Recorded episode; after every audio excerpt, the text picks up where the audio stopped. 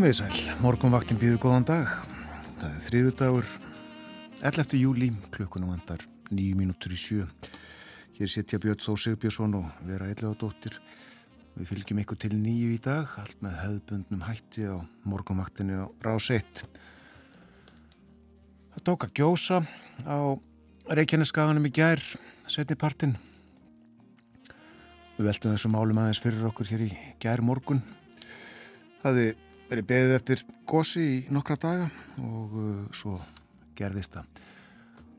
Og gósi fór stað, af stað með talsverðum krafti og því líst í gerðkvöldi að það væri jafnvel tíu sinnum stærra heldur en uh, gósið fyrir tveimur árum. Tölvert stærra en gósið í fyrra. En svo hefur dreigið úr mætti fólk á vegum rannsóknarstofu í eldfjallafræði og náttúruvá Háskóla Íslands. Skoðuðu myndir senti nóttu eða snemma í morgun. Og uh, niðurstaðan það hefur dreyið úr afli og framleiðni gossins. En það gísa enn og uh, við fylgjumst með þessu í útsendingum myndavjela og uh, nokkur læti ef svo má segja á einum stað á þessari sprungu sem er um það byrj kilometralung en uh, annars má sjá raun rauglóandi og það ríkur upp úr þessu uh, mest þar sem að uh, nýja raunnið spítist upp en líka úr raunir sem að raunnið hefur í nótt og svo svona úr jöðrunum mósi líklega að brenna. En séð hérðan úr eftirleiti þá mætti ætla að uh, reykur komi upp úr keili en svo er ekki eh, og stöðarnar þarna akkurat aftan við sjónlinni eins og þetta blasir við hérðan, akkurat hérðan. Meira um uh, eldgósið í frettatímum okkar hér í þettinum í dag. Við hugum að veðrinu Það er uh, skíjað víðaðum land, víðast hvart til dæmis yfir höfuborgarsvæðinu en uh, þokkalegast í hitti, tólstega hitti og nánast logg. Tíu stega hitti bæði á Kvanneri og í Stikisólmi, sjö metrar á sekundu í Stikisólmi. Tólstega hitti á Patrísfyrði og 11 gráður í Bólingavík, hægur vindur á báðum stöðum.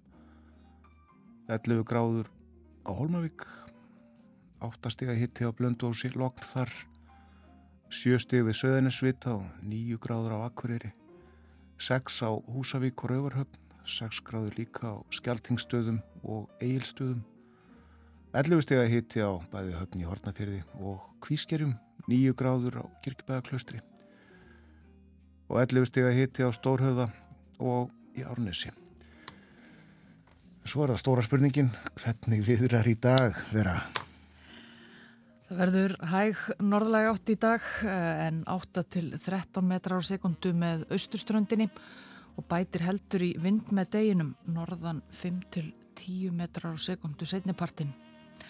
Bjart með köplum og léttir til sunnan og vestanlands með modninum en lengst af skíjað og dáli til væta af og til á austurlandi.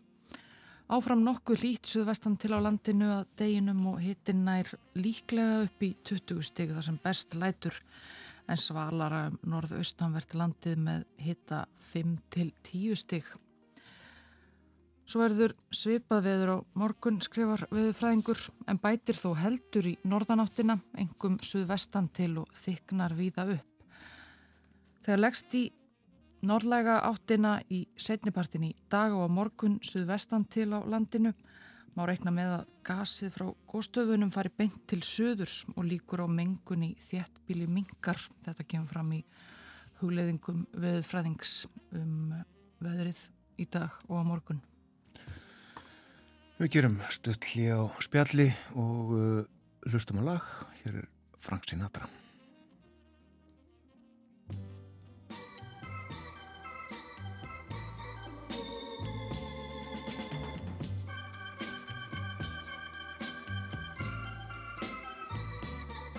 That's life. That's life. That's what all the people say. You're riding high in April, shot down in May. But I know I'm gonna change that tune. When I'm back on top, back on top in June. I said that's life. And as funny as it may seem, some people get their kicks stomping on a dream. But I don't let it, let it get me down. Cause this fine old world, it keeps spinning around. I've been a puppet, a pauper, a pirate, a poet, a pawn and a king. I've been up and down and over and out. And I know one thing. Each time I find myself flat on my face, I pick myself up and get back in the race. That's life. That's life. I tell you, I can't deny it. I thought of quitting, baby, but my heart just ain't gonna buy it. And if I didn't think it was worth one single try, I'd jump right on a big bird and then I'd fly. I've been a puppet, a pauper, a pirate, a poet, a pawn and a king. I've been up and down and over and out. And I know one thing. Each time I find myself laying flat on my face, I just pick myself up and get back in the race. That's life. That's life. That's life, and I can't deny it. Many times I thought of cutting out, but my heart won't buy it. But if there's nothing shaking come this here July, I'm gonna roll myself up in a big ball. And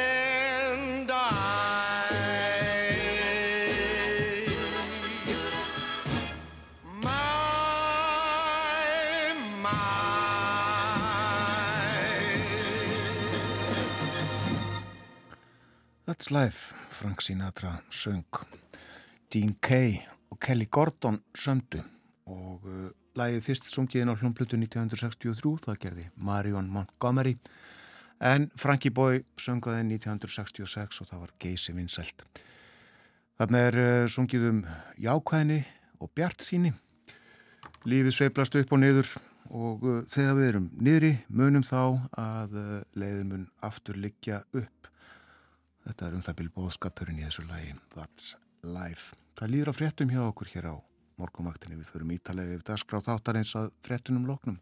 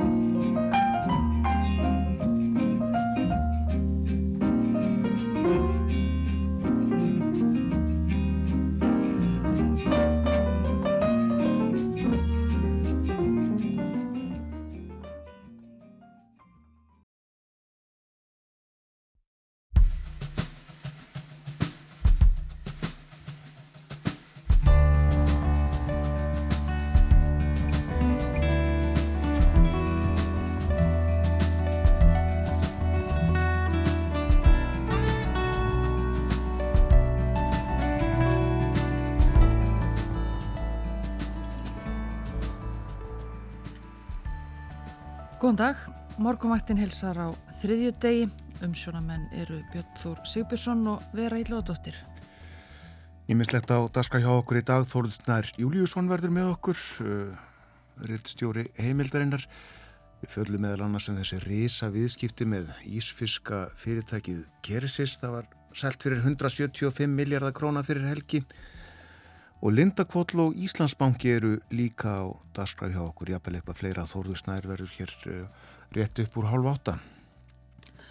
Kanski hafa einhver þeirra sem lagt hafa leið sína á Östurvöll í veður geskunni síðustu daga tekið eftir nýri síningu á stórum skiltum við póstústræti.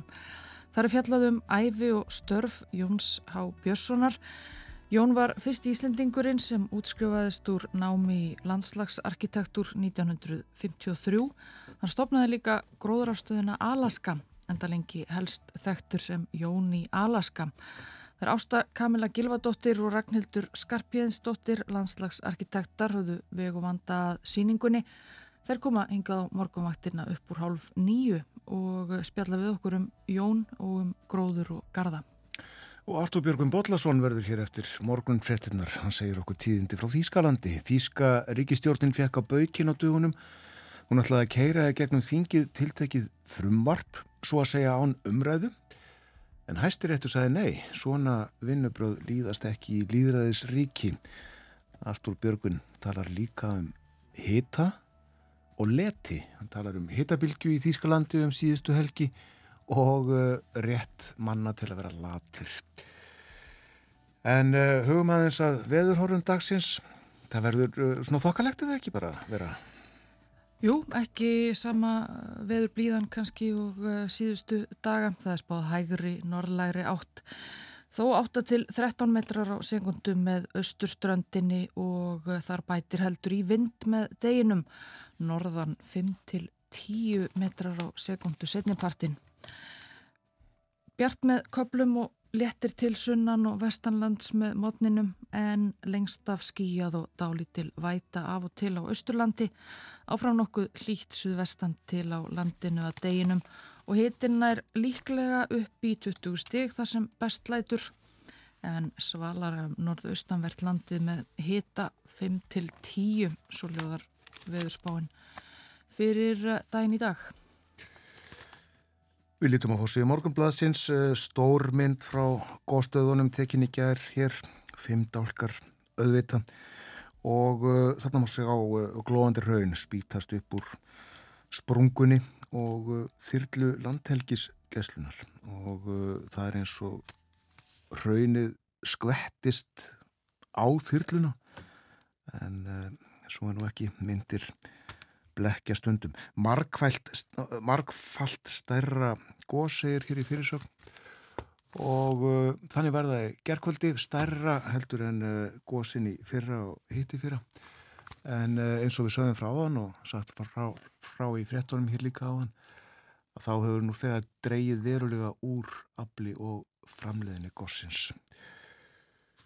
Við sjáum hvað setur uh, hvort að uh, hvort að það bæti í kraftin og ný, það verður fylst grant með þessu, það er nú vaninn og uh, vísindamenn búa sig sjálfsagt undir það núna að uh, taka þetta allt saman betur út og skoða þetta úr lofti. Og uh, það er stendað sjómarsfréttatíma hér hjá okkur á rúf í hádeginu. Nú, fleiri myndir eru svo inn í blæðinu, sjónarspil við litla hrút og uh, greina góð kort þar sem að uh, sjáum á hvar þetta liggur nákvæmlega. Og uh, inn í blæðinu fjallaðum aðtunleysi það var 2,9% í júni og það þykir lítið. Og uh, svo sjáum við dagbók að uh, í dag 11. júli er uh, liðin aldar fjórðungur frá því að fyrst var ekkið um kvalfjörðagöng göngin sem sagt víð og tekin í gagnið byrju 25 árum. Held alveg öruglega að Davíð Ótsson þá fórsættisráður að hafi ekki fyrstur manna um göngin. Og þetta var auðvitað mikil samgöngu bót og ég ætlum með ekki, ekki segja ákveð verkfræði afreg að eh, leggja þessi göng undir kvalfjörðin sem er efiðust nú um þetta á sínum tíma. En uh, þau hafa aldeilis reynst vel og uh, þau hefðu nú ekki verið í nótkunn mjög lengi þegar farið var að ræðum að uh, það þyrti að gera önnugöng til að spæði að anna umferð og uh, gæta fylgsta öryggis. Og einhver tíman var til, sá ég áallun um uh, gerð þeirra. En uh, síðan hefur ekkert gerst. Kvalfjörðagöngin, já, maður segja þessu 25 ára í dag. Og uh, margir fara um þau dag hvern og uh, umferðin held ég miklu meiri heldur en spáðu var í upphafi. Fáinn ár liðin frá því að gjaldtöku var hætt.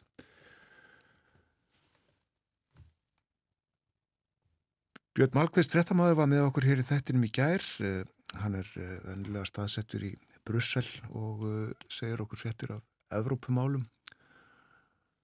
En er núna í Vilnius þar sem að leðtúafundur Allarhansbandalagsríkjana hefst í dag og uh, við töluðum svolítið um uh, stöðu aðeldraumsóknar svíjað bandalæginu og veldum vöngum en þau mál skýrðust nú aldeilis setnipartin í gerð og það nokkuð óvænt og þess vegna heyru við í byrni Malmqvist hér eftir stöttastund fyrst eitt lag vera. Já, við skulum hlusta á hljómsett frá fundarborginni Vilnius. Þetta er litófiska hljómsettin Skíle sem var stopnuð í Vilnius 1991.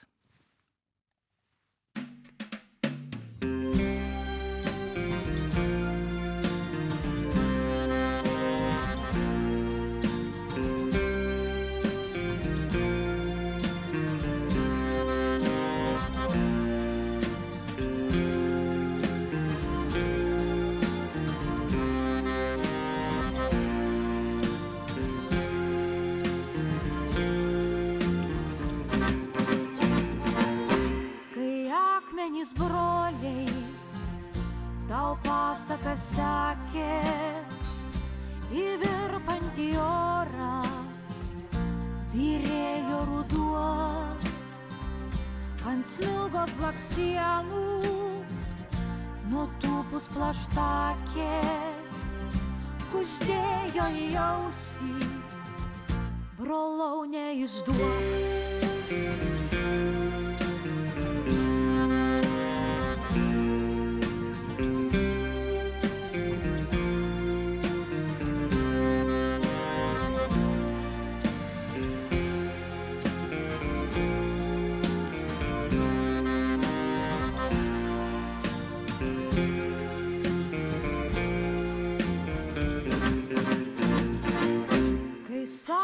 samano sesės tau patalą klojo, kvepėjo jų kasos, nors imk ir bučiuo, apsvaigusios rasos, tau tyliai kartojo, brolus žymėliausias, nepasiduok kai mėnuo atidarys taką pramynė per degančią pievą. Lygi žvaigždžių iš sapno pabudo kulka paskutinė dangų išrašė vardais milžinų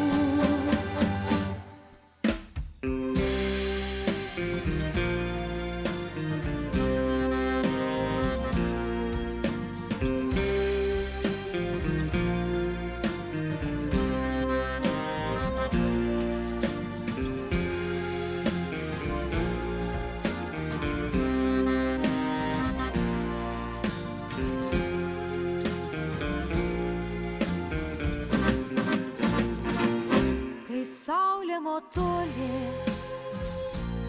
laukus savo kirpo, per ašmenis rūko, lašėjo tamsa, laužais lik padangių, šie žirbos virto ir degdamos sakė, jau brėkšta aušra. Kai mėnuo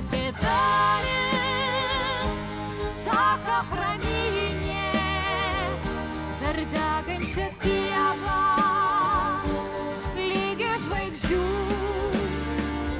І всапно погода, Кулка паскутиня, Дангу і шраще, Вардей сміль жену,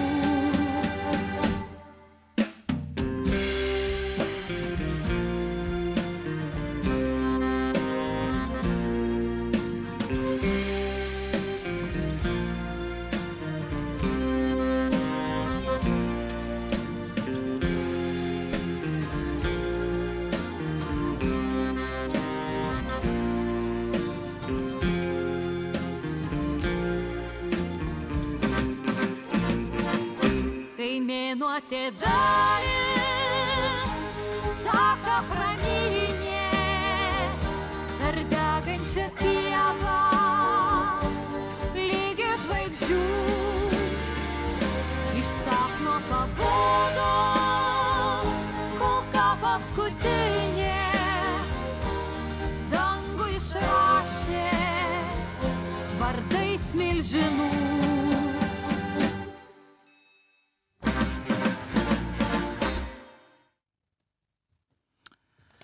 Skíle og söngkonan Æste Smilgeviðtjúti frá Vilnius. Og í Vilnius er Björn Malmqvist frettamæður, hann var með okkur hér í þættinum í gær og uh, við spjöldluðum meðal annars um uh, ja, stöðuna á uh, aðildar umsókn svíja að Allarsfars bandalæginu og Björn þau mál skýrðust nú setnipartin í gær. Góðan daginn, já þau gerðu það heldur betur. Uh, Það var svona fór að kvisast út svona meðal fréttamanna og, og annara hérna í Vilnius sem eru tengdur þessum leitofundi að, að það væri eitthvað að gerast. Uh, Erdogan, uh, Tyrklandsfósetti kom hingað til Vilnius í eftirmiddaginn og fór beintin á fund með Úlf Kristersson, fósettisráður Svíþjóðar og Jens Stoltenberg, þessist frænkvartastjóra NATO. Sáfundur virtist vera að dragast á langinn og þá náttúrulega byrjuðu sögur að fljúa og svo ekki síður þegar Stoltenberg tilkynnti tja um hálf tíuleitið í gerkvöldi að það erði blagamannafundur eh, eftir hálftíma eða svo. Og sá blagamannafundur hófst eitthvað rúmlega tíu, kortir yfir tíu eitthvað svoleiðis að staðatíma, kortir yfir sjö að, að, að hérna, íslenskum tíma. Þannig að og þá var þetta bara tilkynnt. Uh, hann, þeir kom ekki sjálfur fram leituarnir Svíþjóðar og, og Tyrklands en, en Stoltenberg sérst, greindi frá þessu og já, það má nú vel að segja þetta hafi, orðið, hafi verið svona ansi mikil kúvending á innan við 12 tímum eða svo hjá Erdogan. Já, áður hafði uh, spurst að, að uh, hann væri þeirra skoðunar að já, uh, ég til ég að leipa svíðum inn í Allansarsbandalagið ef að Evrópusambandi tekur upp viðræður við okkur Tyrkjum aðild að því. Var eitthvað hæft í því eða mann komist að því? Já, hann sagði þetta. Hann sagði þetta, það er svo leiðis, já. Já, bara í sjónvarsárappi áður en að laga stað til, til Vilnius. Það var Þannig að, svoleiðis. að það var svoleiðis. Þannig að sko, og það skildi enginn einhvern veginn í þessu að, að vera tengja sko í, í fyrsta lagi sko að, að, að, að vera bæta eins og, sko, sko, eins og leituar sögðu í gær þá og, og Stoltenberg reynda líka í á blagamannafundi hátegispilið eftir að þetta fréttist með, með Erdogan og ESB. Þá sagði Stoltenberg sko, já, ég meina ég stið alveg Tyrki í, í ESB en veist, það var lagður fram ákveðin listi af kröfum af Tyrkjum eh, á, á leituafundi NATO í Madrid í fyrra.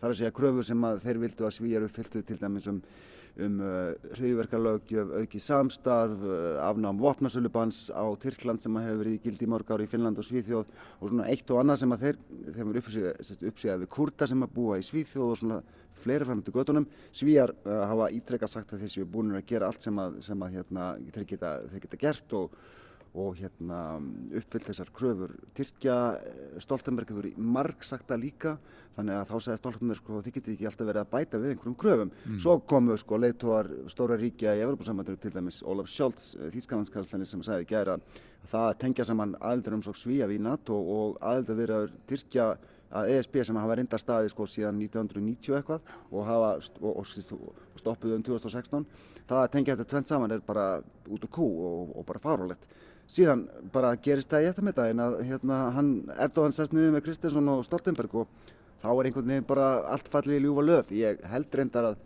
þessi kúvending hans tengist eitthvað símdali sem að hann er sagður að hafa átt við Joe Biden bandaríkjafósita, eða sem hann átti við Joe Biden bandaríkjafósita, held ég á leiðinni þegar, þegar Biden var á leiðinni yfir Allandsafið til Bretlands í kær. Já, já, já.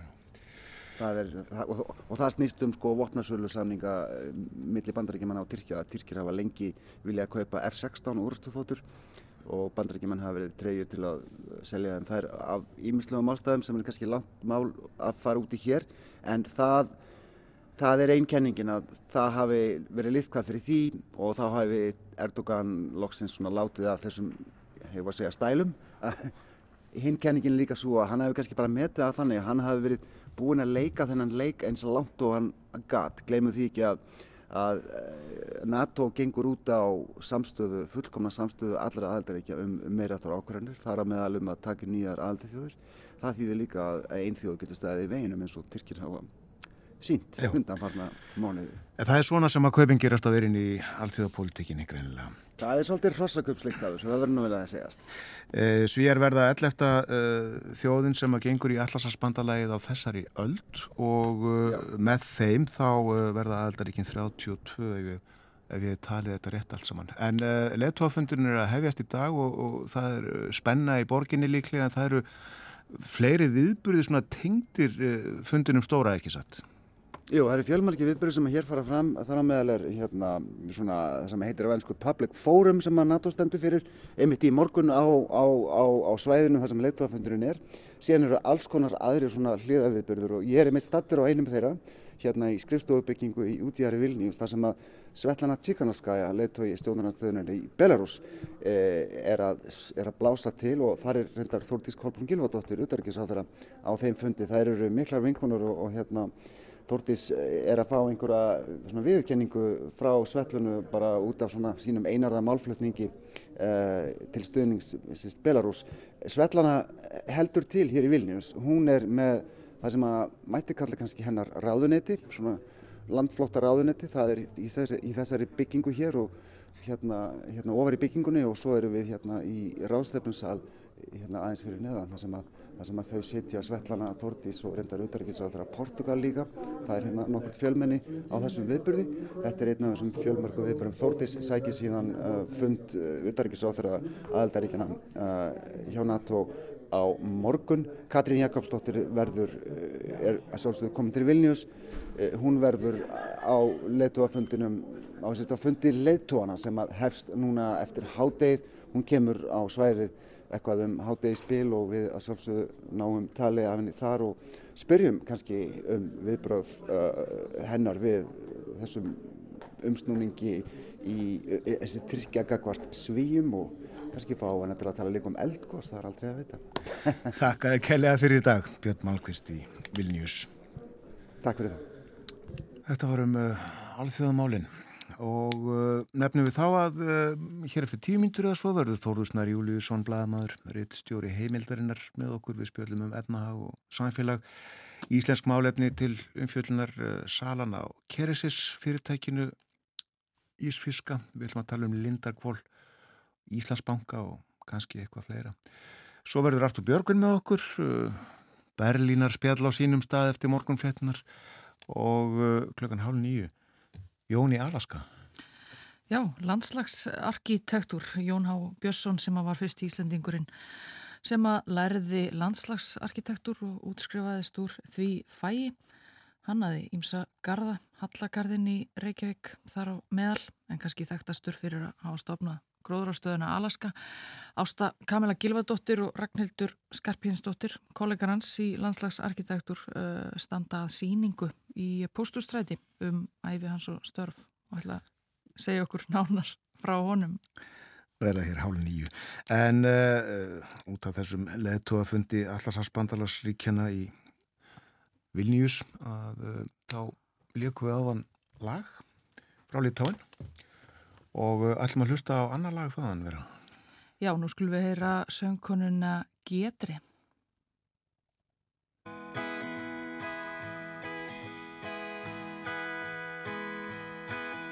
Trečia para, tavęs nėra. Tik tai lakonišką žinutę gaunu. Gyvas. Vandens ryte ir vakare. Paduosiu tau, bet ne dėl to, kad aš gera. Tiesiog aš po savaitės plauksiu tą pačią bagą. O tu lakonišką žinutę gausi nuo manęs gyva. Nepyk, aš myliu tik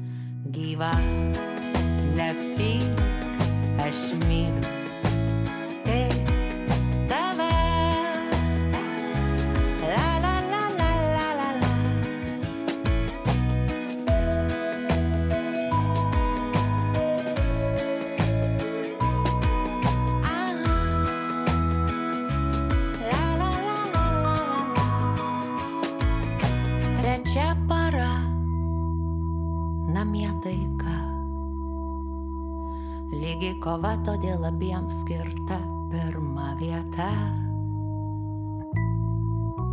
O kas toliau, aš nežinau. Juoda kava ryte, o vakare šunis laukia. Vedžioji vien iš meilės man, o aš iš meilės tau. Tokias dainas rašau, kol dar gyva. Nepyk, aš myliu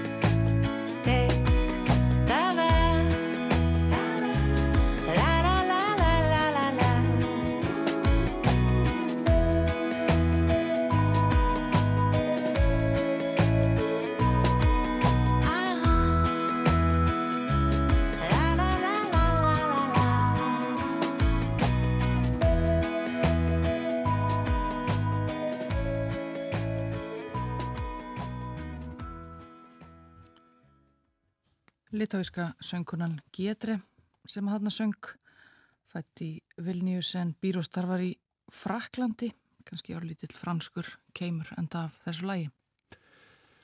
Vegagerðin eh, bendir fólki á að leggja ekki bílum sínum í vegkanti við Reykjanesbröð eða Suðustrandaveg sem að mörgum geti þótt freistandi til þess að reyna að taka mynd af eldgósinu. Það er bannað og uh, það er líka bannað að uh, fara að góstöðunum. Það uh, verður líklega ekki ítrykkað of oft. Og fleira frá vegagerðinni, uh, það er stentaði að malbygga ringvegin við litlu kaffistofuna í kvöld og byrja klukka nýju í kvöld og gera það næstu nótt. Veginu verið lokað til vestus við ringtorki hvergerði og þrengslavegur til vestus við gatnamóta ringvegi en það verið hjáleið um suðustandaveg og grindavíkuveg.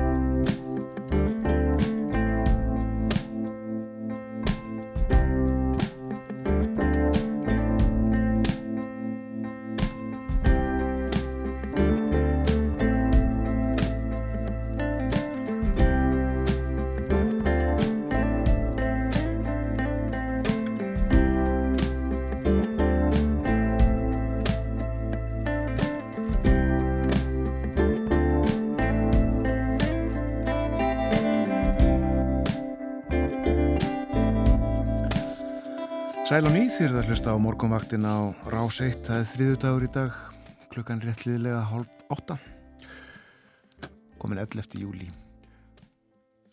Ég minni á að Þú Björgum Bóllarsson verður með okkur eftir morgun 13. klukkan átta og hann ætlar að eh, segja okkur meðal annars frá því hvernig hæstiréttu Þýskalands skammaði ríkistjórnin á dögunum. Ríkistjórnin ætlaði að koma frumvarfi í gegnum þingið máli sem að uh, kent við húsitun, Artur segir okkur nú betur frá þessu og eftir. En uh, ríkistjórnin ætlaði sem sagt að reyna að koma þessu í gegn, svo að segja án umræðu en uh, hæstir eftir svo að nei, svona er ekki unni í þessu landi. Og uh, Artur ætla líka að uh, tala um leti, hún getur verið ágætt og uh, til er maður í Þískalandi stjórnmálamaður borgar fulltrúi í einnig af mörgum borgum Þískalands sem að vill að fólk uh, fái að vera latt í tiltekinn tíma á hverjum vinnudegi meira en þetta og eftir. Svo er það Jón í Alaska við nefndum það áðan fyrsti íslenski landslagsarkitektin uh, stórmerkilegu maður og það er síningum, mann er svo að segja má segja í miðborg Reykjavíkur og sjá verkinans sum. Uh, já, það má sjá uh, verk og teikningar og ítalagar upplýsingar um hann og hans feril á stórum skiltum, upplýsingaskiltum sem að standa í postústræti. Og uh, ágættis veður í dag til þess að fara neyri bæ og skoða þetta. Jú, kannski ekki, ekki sama guðspanna veðrið og verið hefur en uh, spáði dag hægri, norðlæri átt. Bætir uh, þó heldur í vind með deginum, verður norðan 5-10 metra á sekundu setnipartin, uh, bjart með köplum, léttir til sunnan og vestanlands með morninum en uh, lengst af skíjað og dálit til væta af og til á Östurlandi en áfram nokkuð hlýtt og hittinn nær líklega upp í 20 stig þar sem best lætur. Verður þó svalara um norðaustanvert landið. 5-10 stiga hitta er spáð þar. Og uh, við verðum bara að bæta í við þetta ekki að það mun svo kólna aðeins uh, meira þegar líður á helginni. Jú, það uh, kólnar með helginni. Já. En nú er Þórðursnar Júliusson ritt stjóri heimildarinn er komið til okkar við ætlum að spjalla um efnahag og samfélag. Góðan dag Þórður. Góðan daginn. Linda Koll og Íslandsbanki eru hér á dagskraf hjá okkur en við ætlum að byrja á Keresis þessum fréttum frá því fyrir helgi um að danst reysafyrirtæki hvað heil, heilbriðir vörum framlegslu þeirra á þjónustu hefði keft þetta fyrirtæki fyrir 175 miljardar króna og þetta er fáheir fjárhæð. Já, þetta er auðvitað sem maður hérna kannski breyði fyrir sig máli svona frumkvölu og nýsköpunargeirans þá er þetta fyrst íslenski einhyrningurinn. Það er kvöldu einhyrningar fyrirtæki sem seljast yfir miljard bandarækitala og uh, alveg ótrúlega saga uh, að, að selja svona græðandi lækningavörur úr, úr þorskrúði sem áður var hent. uh, og, og, og hann Guðmundur Fertram Sigurðarsson fórstjóri og stofnandi sagði í tilkynningu þegar það var tilkynnt við þessa sölu hann hafi svona, það er tvent sem hafa vaka fyrir honu þegar hann stopnaði Kerisis, annars vegar að hérna uh, að fækka afleifunum og greiða sár með vörunni sem var að framlega og hins vegar efla atvinnu þróun á vestfjörum og það má með sannig segja að honum hafi tekið spæði uh, þetta er líka alveg ótrúlegur árangur á stuttum tíma. Tekjurnar hjá Kerisis hafa vaksið mjög hratt á undarföldum árum og hafa stóri fjárfæstar komið að uh, munum eftir því þegar Emerson Collective sem er í eigu Lauren Powell Jobs, ekki Steve Jobs kom hingað inn og, og Óláf Ragnar Grímsson fyrir Fosset Íslands settist í stjórn Keresis fyrir hennar hönd eða hönd þess fjárfæstis og svo Kirkby sem komu inn í fyrra eigendur Lego vörumerkisins og þegar Kirkby kom inn í fyrra þá var það gert sagt, á því verðmati að, að Keresis væri verðmati svona cirka 80, á, á um 80 miljardar.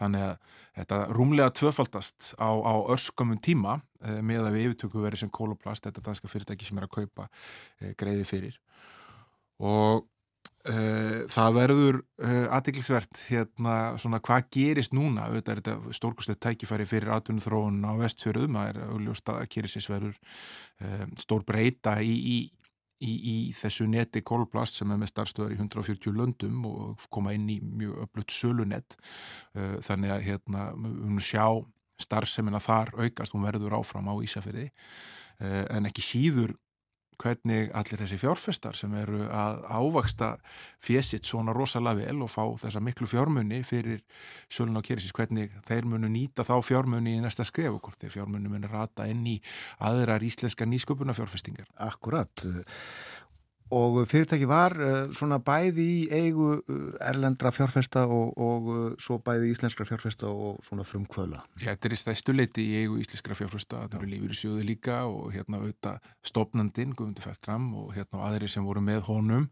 stóran hlut og aðri stopnandur og hérna og uh, svo stæsti einstakki hlutafinn er, er, er félag sem heitir Omega EHF sem er í eigu Andra Sveinssonar og Birgis Más Ragnarssonar sem er svona þekktastir fyrir það að vera uh, ja, þeir sem voru með Björgóli Tór Björgólsinni í Novator þeir hafa verið aðna inn í Keresis í tölvöld langan tíma. Og Andri hefur verið stjórnaformar félagsins undarfæri misseri. Uh, Omega átti 12,6% hlut í Keresis sem þýðir að þeir fáum 22 miljardar í sinn hlut. Já. Það er dálalegt. En það er alveg ljóst að þetta fyrirtæki verður áfram á Íslandi og á Ísafjörði. Já, þannig eru að minnstakosti allar yfirlýsingar núna. Man getur ímyndið sér þetta sem mjög sérhæft tekni sem þarna er verið að beita til þess að búa til þá vöru og mikið þekking sem hefur orðið til á staðnum og hérna þannig að það bendir allt til þess og all orðræðan er þannig að, að það standi ekki til annað en að, að svo verði að Keresis raunlega muni bara smetla inn í þetta net sem, sem kóloplast er með uh, og, og eins og ég sagði á hann er hérna tegið sér til 140 mismunandi landa. Keresis hefur verið mjög stert í bandarækjunum og það er kannski það líka sem, sem kóloplast er að horfa á að bæta við hjá sér Sem þau gott af uh, Keresis og tölum þá um Lindakvól. Uh, skísla uh, Sets ríkis endurskóðanda var byrt í síðustu viku með óheðbundnum hætti má segja. Þóruldur Sunna Ævastóttir, þingmaður Pírata byrtana eftir að hafa ásamt fjölmörgum öðrum þingmunum lengi barist fyrir því að hún er byrt með hefðbundnum hætti á vettfangi þingsins en uh, það stóð í þingfósettanum og rúmlega það, hann sagði bara nei og uh, fleiri reyndar úr uh, þeirri áttinni en skýslan er komin fram. Hver eru helstu efnisatriði þessar skýslu? Þau eru nokkuð, hún er tölvöld ólík þeirri skýslu sem sá ríkisendurskóðandi sem tók við á þessum skilaði af sér. Kanski til örstutrar útskýringar þá var staðan þannig að Sigur Þórásson var settur ríkisendurskóðandi, hann er auðvitað fyrrum ríkisendurskóðandi og hann er settur ríkisskóðandi vegna þess að eftirmaður hans í starfi Sveitn Arason var vanhæfur vegna þess að Þórhallur Arason, bróðir hans eh, satt í stjórn og var stjórnaformaður eh, Lindarkóls þannig að hann var fenginn til þess að, að vinna þessu verkefni og, og þessi greina gerir 74 blaðsýður ef ég mann rétt sem hann hérna svona uh, tók saman á sín tíma þegar hérna vegna þess að þegar það var síðan skiptum ríkisendurskóðanda Sveitnar Arason hætti og, og skúlekkert Þórðarsson tók við uh, þá var vanhæði ekki lengur til staðar og verkefni fluttist aftur til hens hefðbundna ríkisendurskóðanda mm og uh, skúli ekkert kláraði síðan endalega skíslu sem var 44 blasjur þannig að augljóst er að það þarna er eitthvað kjött sem var skilið eftir og, og, og liggur á gólunu uh, það eru nokkri hlutir sem hérna, Sigurur bendir á í sinni greini gerð sem er nú ákveðið torf. Við skulum hérna, bara ekkit vera að hérna, breyða yfir það. Þetta er ekki alveg frágengin skísla Nei, nei, og hérna, en það kemur fram sagt, þar að hann, hann, hann bendir á fleiri dæmi sem eiga til sérstakar skoðunar en er bend á í, í endanlegri útgáfu.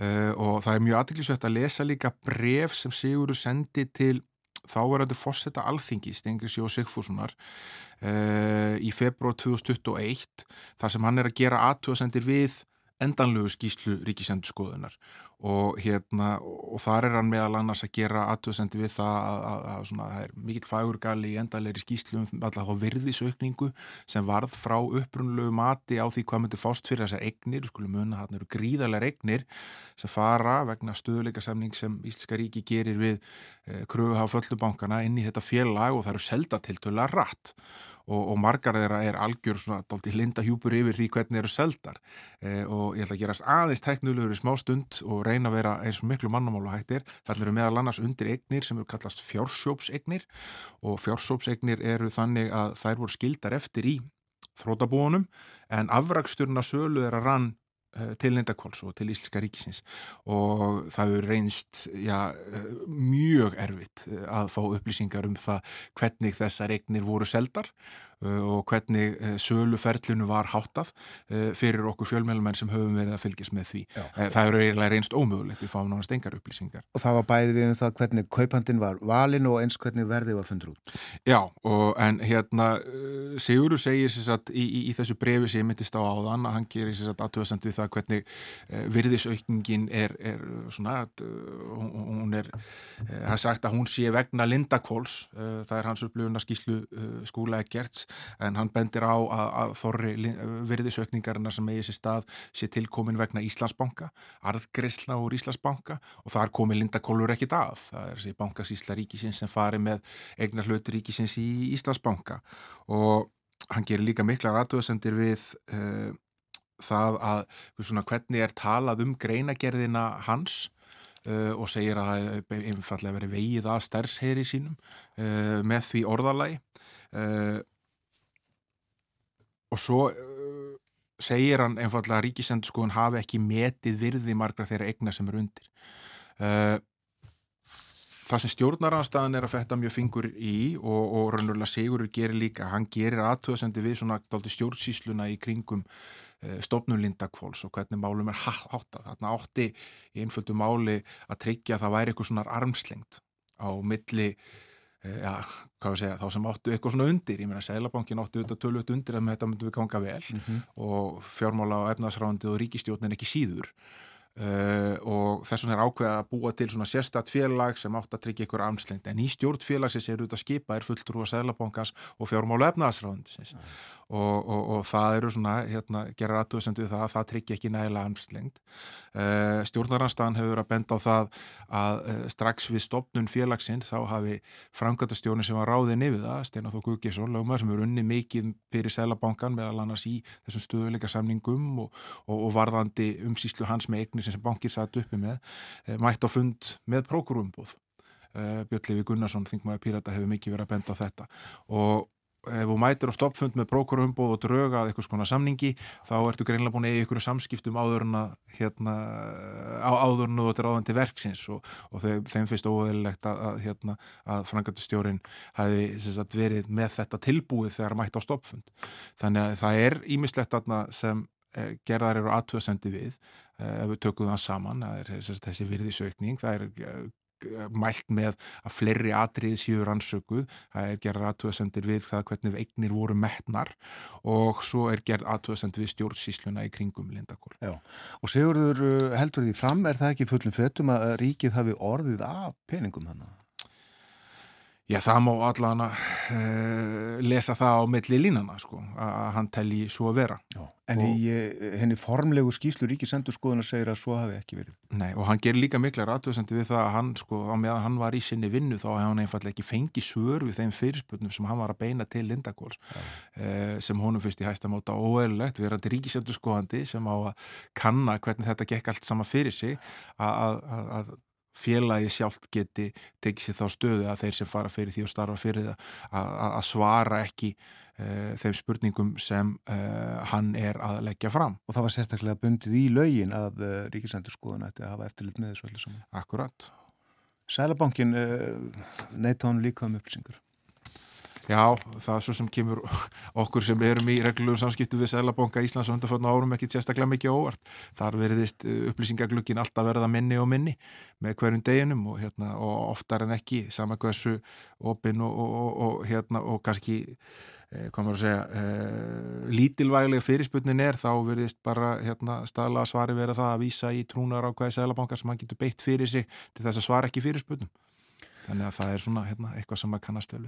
Og fyrst við erum að tala um Sælabankan, uh, fjármála eftirlitið eru þetta undir hans hatti og uh, fyrir nokkrum vikum kom út þessi skýsla uh, þess eða, eða sáttin við Íslandsbanka og já, leind, það er ekki allt byrt, kemur ekki allt fram sem að stendur í sáttinni, það er strikað yfir ímislegt eða ekki? Jú, það er strikað yfir ímslegt og, og, og, og þeir aðilar sem uh, já, ættu að geta komið því til leiðar að þetta sé ekki yfirstrikað hafa hérna, ekki verið viljur til þess að, að, að, hérna, að veita fullar upplýsingar um það hvað gekk þarna á. Við hjá heimildinu höfum bæði beðið fjármála efnaðsráðunetið um að, að, að byrta skýsluna í heild án yfir strikana og, og, og vísa því að e, á síðasta árið þegar e, kaupendalistin var byrtur, þar sem e, upplýsingar um viðskiptamenn eru, sama sem er yfirstrikað í þessari skýsluru, upplýsingar um ákveðna viðskiptamenn, við fáum ekki sjá hverjir þetta eru, sem eru að eiga í ákveðnum viðskiptum eða, eða stund ákveðnar aðtapnir sem fjármála eftirlitið segir að séu lögbrot og, hérna, og við vísum í það að fjármála og efnarsráðar hafa þá lagt sérstakt mat á, á almanna hagsmuna því að byrta kaupendalistan og hvort að það var ekki hægt að leggja slíkt sérstakt mat á þetta líka og fengu þau svör að þetta heyrði bara undir Sælabankan og hann heyrði bara að taka ákvörðinu þetta. Sælabankin, líkt og ég sagði það á hann, er hérna, ekkit rosalega gætna á því að byrta upplýsingar um sína viðskiptamenn og þar fengust þessi svör að það væri bara óhjákamilegt að það væri ekkit hægt að byrta þetta uh, með vísun í trúnar ákvæði laga um starfsemi Sælabankans og, og, og þetta það það fara fyrir úrskurunendum upplýsingamál sem við höfum þegar kert til. Uh, en uh, ferli þar er svo það er, það getur tekið marga mánuði. Og ég er nú þeirra skoðunar að þetta séu upplýsingar sem við höfum ekki þurfa að býða marga mánuði eftir Nei. að fá þetta óyfir strika þannig að það verist svona vera að þessi bolti sé þá bara í fanginu á, á stjórnmálumunum þeir vera að taka ykkur ákvarðanir um það eh, hvort að þeir alltaf beita sér með einhverjum hætti til þess að fá þessa eh, sátt Sælabankans við Íslandsbanka óreitt skoða eh, eða hvort að þeir alltaf standa bara við það sem er núna. Væri þetta helst fórsetið aldingis eða? Já, það er áhugavert ef það myndi fara þánga með sama hætti og, og þessi greina ekki ríkistönd skoðanda. Nei, ég held að það verði nú ákvörðun sem er að taka við ríkisstjórnarborðið með einhverjum hætti, það má sama hætti og, og ákvörðun var tekin á sínum tíma um byrtingu kaupendalistans. Hefur eitthvað gerst í málefnum Íslandsbanka uh, eða er líklegt að eitthvað gerist í, uh, í þeim uh, fram að þessum hlutafundi sem að verður hvað 28. júli? Nei, raunveruleg ekki. Það er nýr bankastjóri Jónkun Jómasson hefur sagt að, að, að það sé búið að fara í það starfsmannabreitingar sem farið verður í og hér hafa þetta hérna, bankastjórin og, og frangatstjórar og yfirmenn fengið að fjúka. Það er hérna svona svo ángi sem er óupplýstu þar er það, það, það fást ekki byrtar upplýsingar og það hvernig samið um starfslokk við og hérna og, og, og svona fókusin hjá, hjá nefndum alþingist virðist vera þar Eh, fjárlega nefndi hefur verið að kalla eftir upplýsingum um starfslúkasamning bankastjórans að mista kosti á meðan stjórn Íslandsbanka hefur sagt að þær upplýsingar verði ekki byrta fyrir nýja hálsás uppgjör í bankans. Uh, Það er vantalegt núna bara eða ekki? Það, það er það en hérna manni finnst svona, að þetta ættu ekki að vera upplýsingar sem ættu að vera erfitt að fá fram í ljósi þess að, að, að almenningur í landinu á 42,5% í bankanum. Uh, og þarna erum starfslókasamningar sem eru Eh, að lengd og umfangi tölvöld meiri en gengur og gerist í íslensku samfélagi. Þannig að við sjáum til hvar það endar. Uh, en uh, svo er þessi stjórnafundur auðvitað í lok júli, 28. júli og, og, og þar er búið að stjórna kjör og þar má alveg búast við því að það verði gera breytingar á stjórninni. Hversu umfangsmiklar þær breytingar verða verður bara að koma í ljós. Já, akkurat. Eh, Varðandi eh, þetta mál, eh, sko þegar eh, fyrst vöknuðu efasemtur um að þetta væri allt með, með eðlugum hætti að þá sögðu oddvitar ríkistjórnarinnar, ríkistjórnarflokkana að ja, þetta er ekki nógu gott að að leggja bankasísla nýður. Hún er ennþá til samt í það ekki?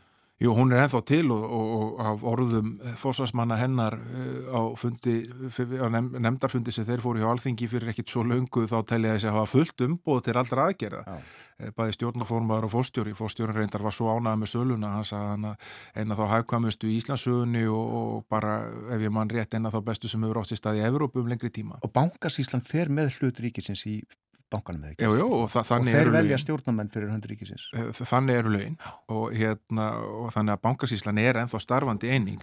Við uh, fengum þau sör frá fjármála og efnaðsráðunitinu að það standi til og það verður ekki frekari sala á eignarhlutu ríkisins fyrir að búið að koma einhverju nýju fyrirkomulagi í gang og það fyrirkomulag verist fela í sér að hér á að setja stopp félagasíslu ríkisins sem verður hérna, eitthvað nýtt stjórnsíslu fyrirbæri eh, stjórnsíslu sem á að fara með eignar hlut ríkisins í mörgum fyrirtækjum Það verður áhugavert að sjá hvort að til dæmis hlutafið í þessu fyrirtæki sem við setjum hér í dag verið sett undir félagasíslu ríkisins. Já, þessi ofinbyrju hlutafélag Já. og þetta undir líka, já. Uh, Það er mögulegt, það er hérna, ekki komin uh, endalega niðurstæði þá, frumvarp ekki komið fram, það á að koma fram á næsta þingvetri og það á að vera þá öfluri stopnun sem á að geta verið með vantarleikus konar innri sérhæfingu umfram það sem uh, stjórnmálmennir er að telja bankasíslan búi yfir til þess að, hérna, að sómasamlegum hætti.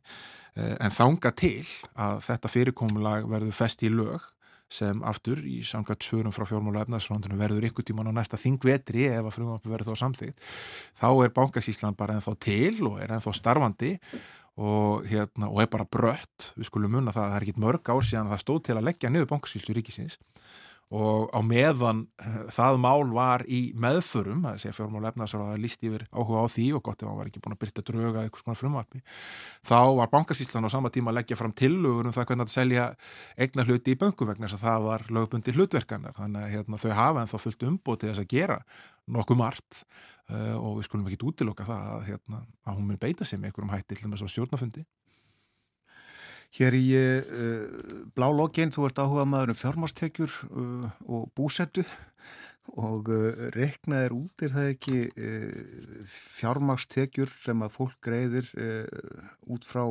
sveitafílu?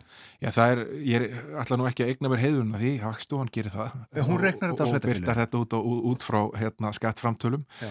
Uh, og margt áhugavert sem kemur fram í þessum tölum með það sem er kannski svona hoppað upp úr í ár var það að, hérna, að fjármastekjur á mann í, í sveitafélaginu Grindavík uh, jökust alveg gríðalega melli ára fór úr, úr, úr, úr 409.000 á hvern íbúa árið 2021 í það að vera 7,2 miljónir á hvern íbúa í fyrra og, og, og reiknaði nú í huganum björn hversu mikið markföldun það er.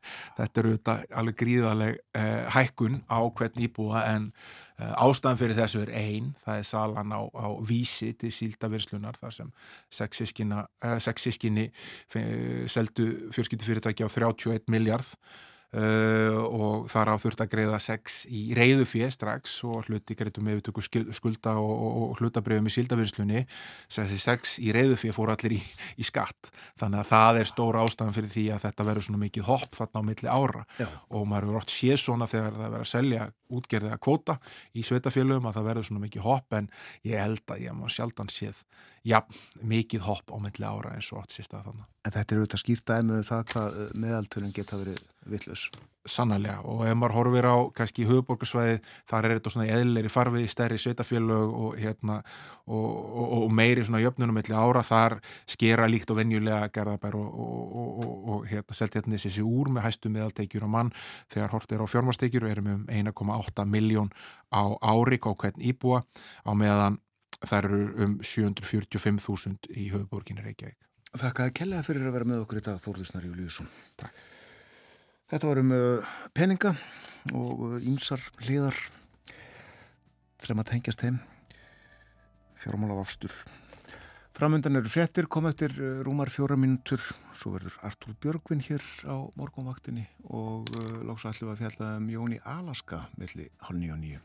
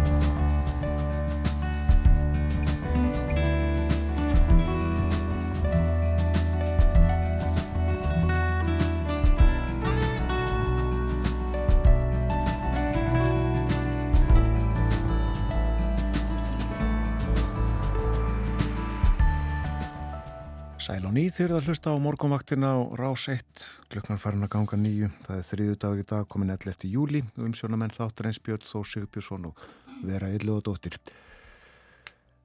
Hugum að veðurhórum dagsins í hugleðingum segið við fræðingur hæg norðalega átt en 8 til 13 metrar á sekundu með austurströndinni bætur, bætir heldri vind með deginum norðan 5 til 10 metrar sennipartin. Bjart með köplum og léttir til sunnan og vestarlands með morninum en lengst af skíjað og dáli til væta af og til á Östurlandi. Áfram nokkuð lít suðvestan til á landinu að deginum og hitin nær líklega upp í 20 stig þar sem best lætur svalara um norðaustavert landið með hita 5-10 stig. Já, 10 stig á Íslandi, 20 stig vil ég segja haft, sagt hafa, 20 stig að hiti í dag hér þegar og þar sem hlýjast verður. Og uh, það þykir okkur mörgum hverjum bara ágætt en uh, þeir hefði nú líklega einhverju þegi það í Þýskalandi um helgina. Artur Björgum Bodlásson er á línunni, góðan daginn. Já, góðan daginn. Það var uh, talsvert hlýra er það ekki heitara í Þýskalandi?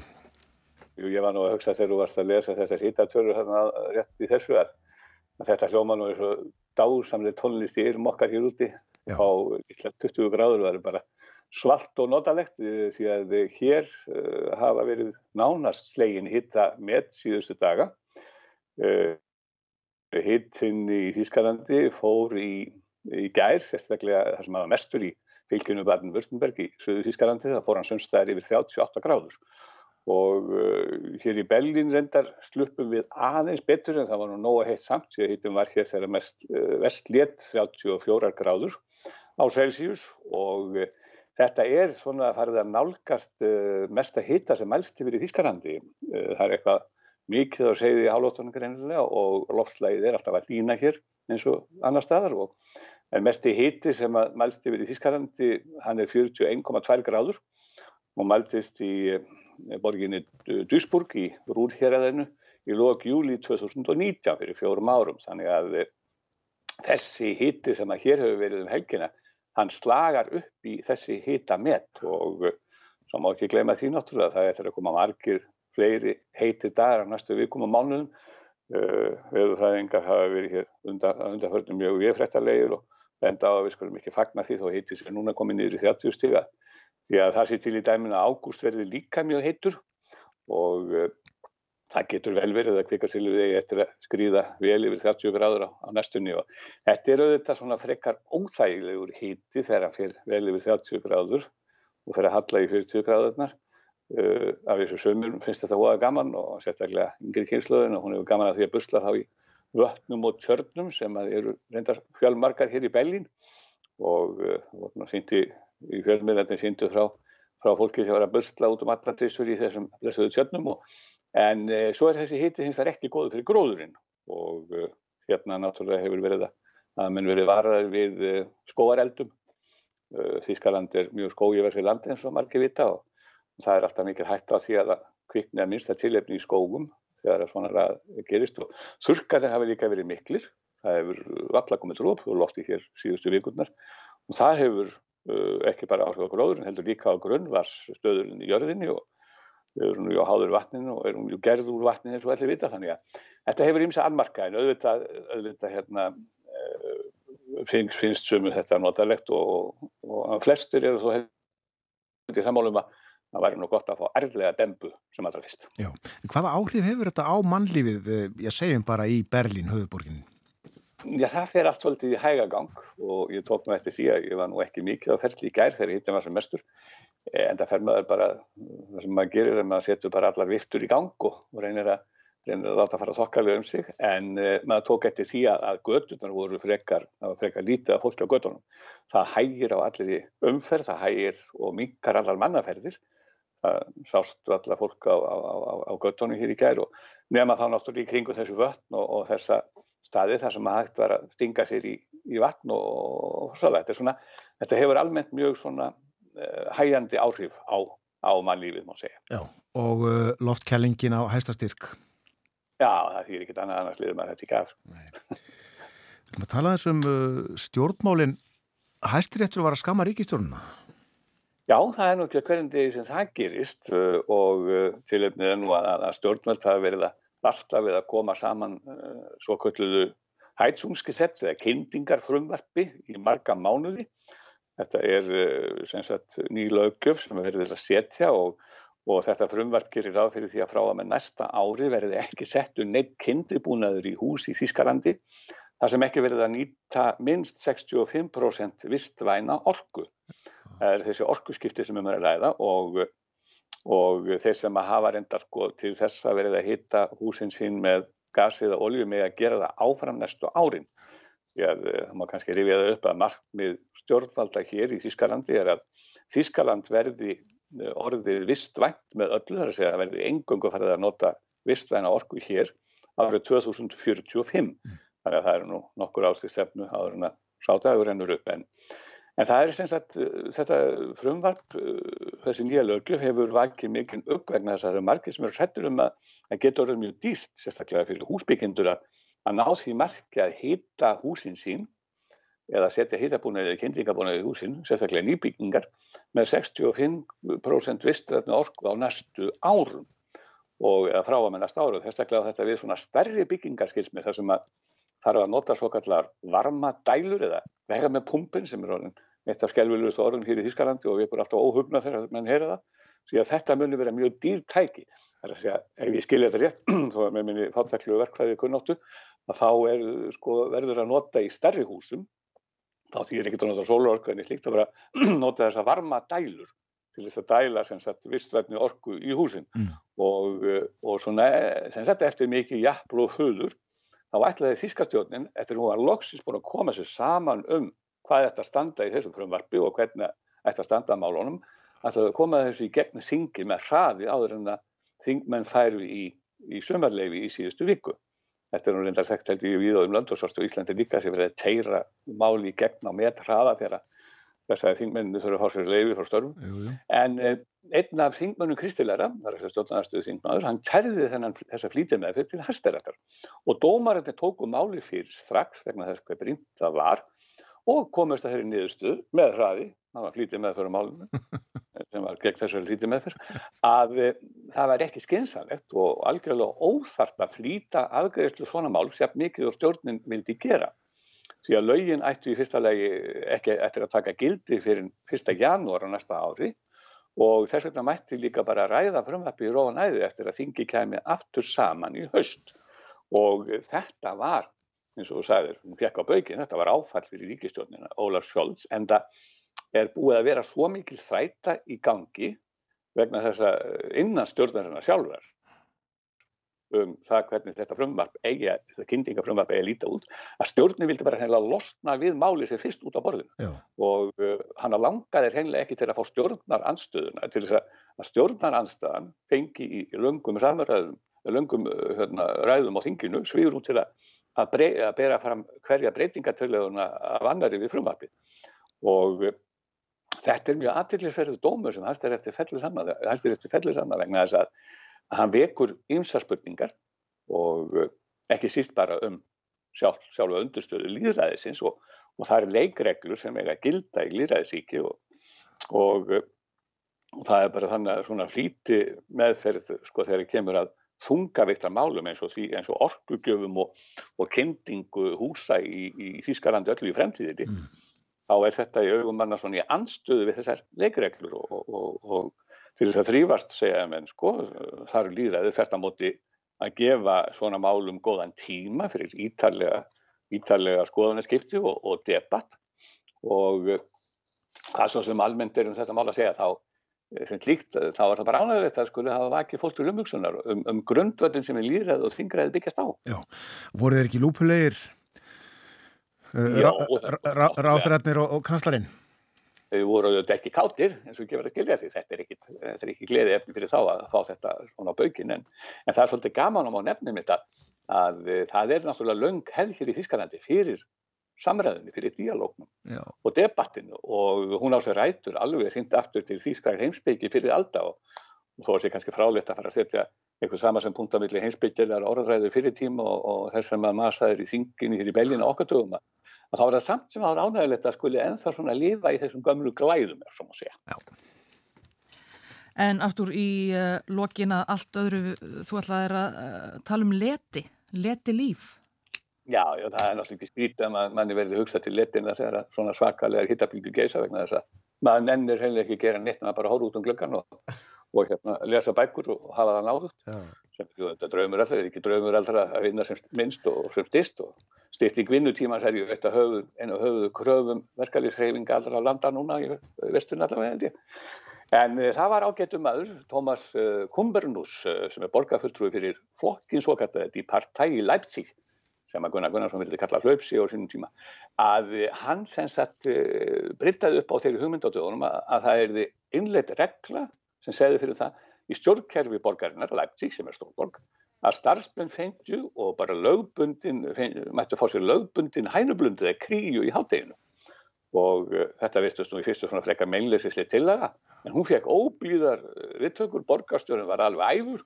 Og sagði að þetta verið móðgum embættismenn, þarna verið að gefa í skinn að þeir væru hálf sofandi í vinnunni. Og að því hann talaði um að lögulega sko kríuna.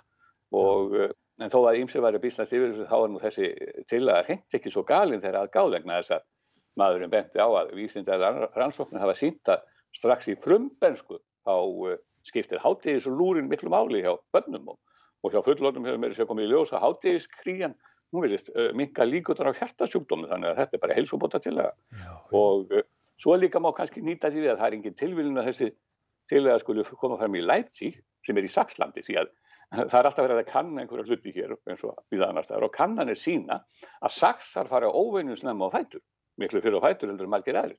Við höfum 40% þeirra sem búi í Saxlandi, þeir eru konur að stjá fyrir klukkan 6 á mornana og uh, svona á svipaðu letið og þeir eru að byrja í útarpinu. og, og sama tíma og, og sko einungis 1400 íbúi í Hessen, besta megin í Þískalandi, eru vaknaðir á þessum tíma þannig að þetta er svolítið svona merkilegt að menn sofa fara miklu fyrir á fætur í Östurískanandi svo að framleiðin þar sem miklu minni. Þetta er nokkuð sem þetta kannar kannski betur. Já. En það tíðkæðist auðvitað hér að leggja sig í hátteginu sérstaklega til sveita. Bændur lögðu sig fengur sér smá lúr eftir háttegisverðin Já, ég meina þetta er bara svolítið aftur til rótana sko, menn eru búin að gleyma sveitinni, menn eru búin að gleyma þessu sveitalífi og það var að mörgu liti kannski heilna mér að þessu leiti. Því að auðvitað er það líka bara byggt þess upp kraftin e, fyrir daginn sko, en að við sem verðum að taka fram að því partæðið flokkurinn er svolítið sérstakku flokkur, hann er ekki, fer ekki svona, í þeim flokki binda menn ekki baka sína sömund nútum og aðrir sko, því að þeir hafið þekkti fyrir svona frumlega pólitíksa skoðinni, þeir er svolítið svona í ættu besta flokkin en við munum eftir honum á Íslandi mm -hmm. og Já, og stytting vinnutímans er hins vegar orðið mikið baráttumál á Vesturlöndum eins og ég nefndi á þann og, og réttur til þess að fá að lifa let í lífi, hann er miklu harra skrifaður núna heldur en áður þannig að þetta er alveg í anda, anda svona þess að menn eiga að ég leifa mönnum meiri let í lífi heldur en gett hefur verið því að vinna sér nú ekki allt. Þú nefndir á þann að stöku stjórnmálamenn hefðu fyrst við þessari tillögu en hefur þetta fengið einhver viðbröð úr atvinnlífinu og frá vinnandi fólki? Já, þetta er enganlega fengið gríðali viðbyrði í fjölmiðlu. Það er mjög sjaldan sem að borgarstjórna fundir hjá hérna í borgum eins og Leipzig komast á, á síður blada og í alla fjölmiðla.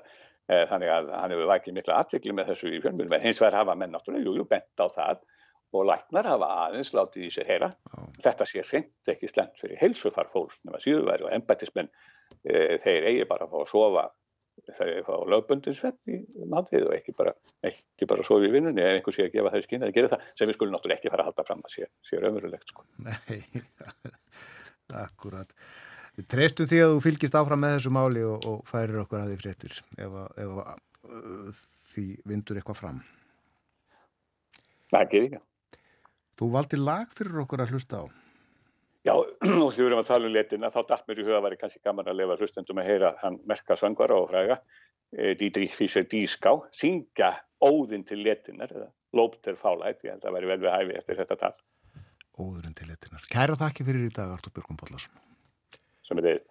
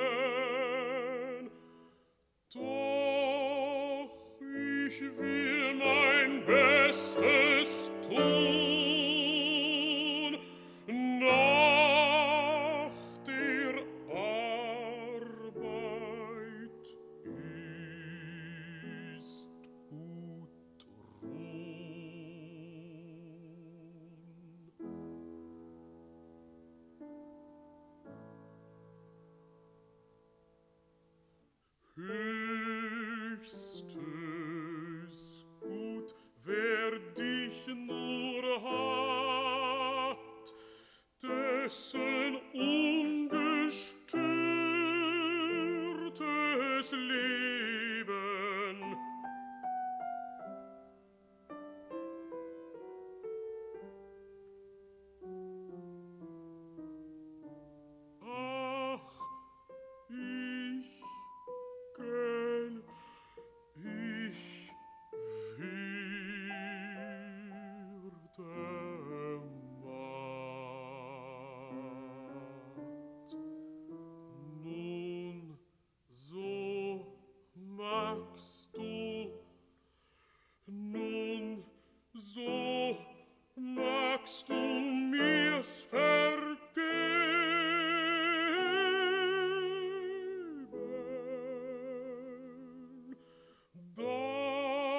dass ich dich nicht singen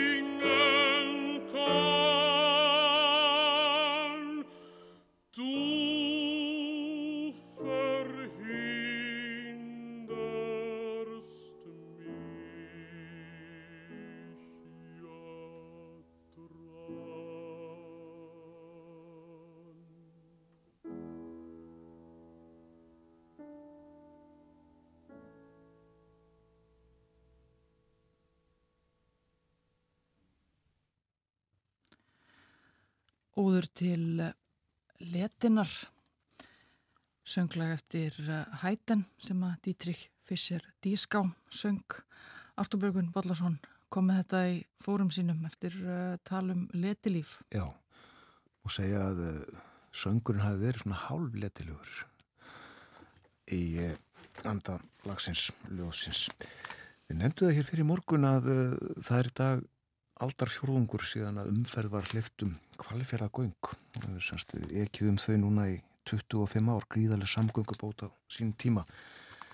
Og uh, það er ágættis grein um uh, göngin í morgunblæðinu í dag sem að Sigtryggur Sigtryggsson skrifar og uh, hann uh, komst að því með aðtugunum og upplýsingum frá vegagerðinni að uh, fyrsta heila árið sem að ekki var um göngin 1999 þá uh, fór rétt um það byl miljón aukutækja um göngin.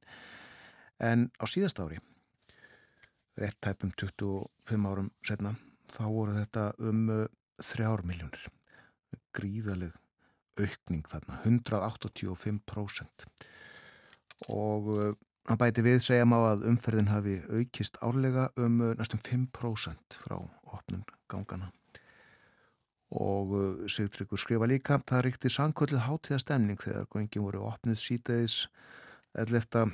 júli 1998, þetta var lögadagur fjölmargir gestir voru viðstættir að töfna hún fór fram við gangnamunnan sunnan megin og meðal gesta voru ráþeirar, þingmenn og sveitistjórnamenn fulltrúar vegagerðarinnar, spalar, verktakans, fossvirkis og starfsmenn þeirra. Þeirri var eins og bestverður á kosið, hiðskýrt og hægur andvari. Já, eh, flestir fara vingin, eigður leið þarna á milli og rifjast þá nú upp hversu dásanlegur kvalfjörðurinn er og um að gera hvetja fólk til þess að aka hann svona við og við og skoðan, ég tala nú ekki um að fara inn í botnin og ganga þar um. Paradís, geta einhvern sagt að þetta veri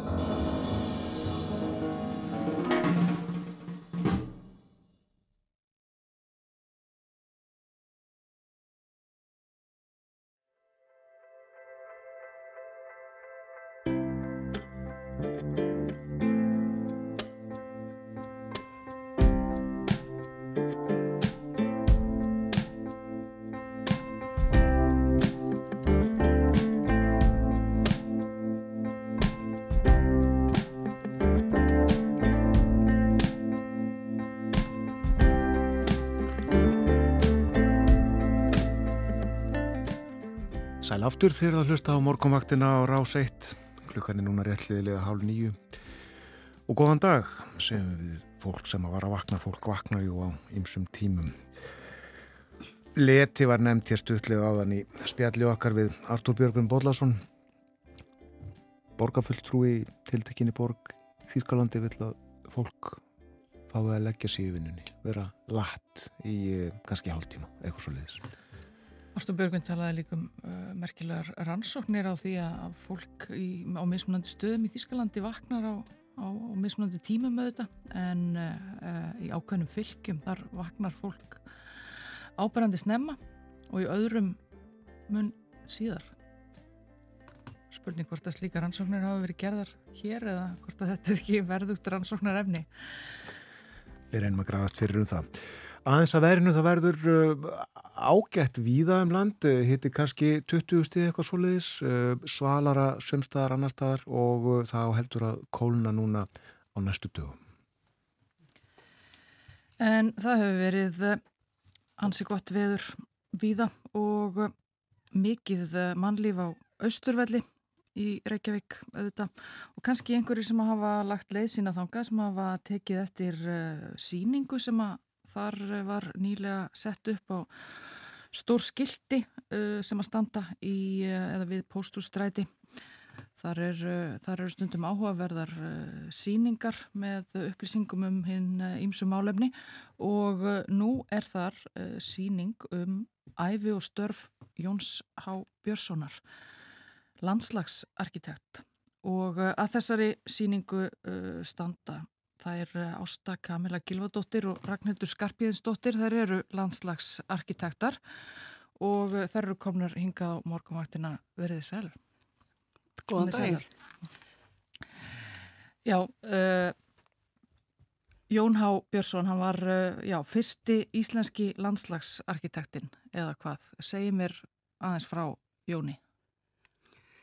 Já, hann var því vorum að tala um leti hérna áðan, hann var sannlega ekki latur maður.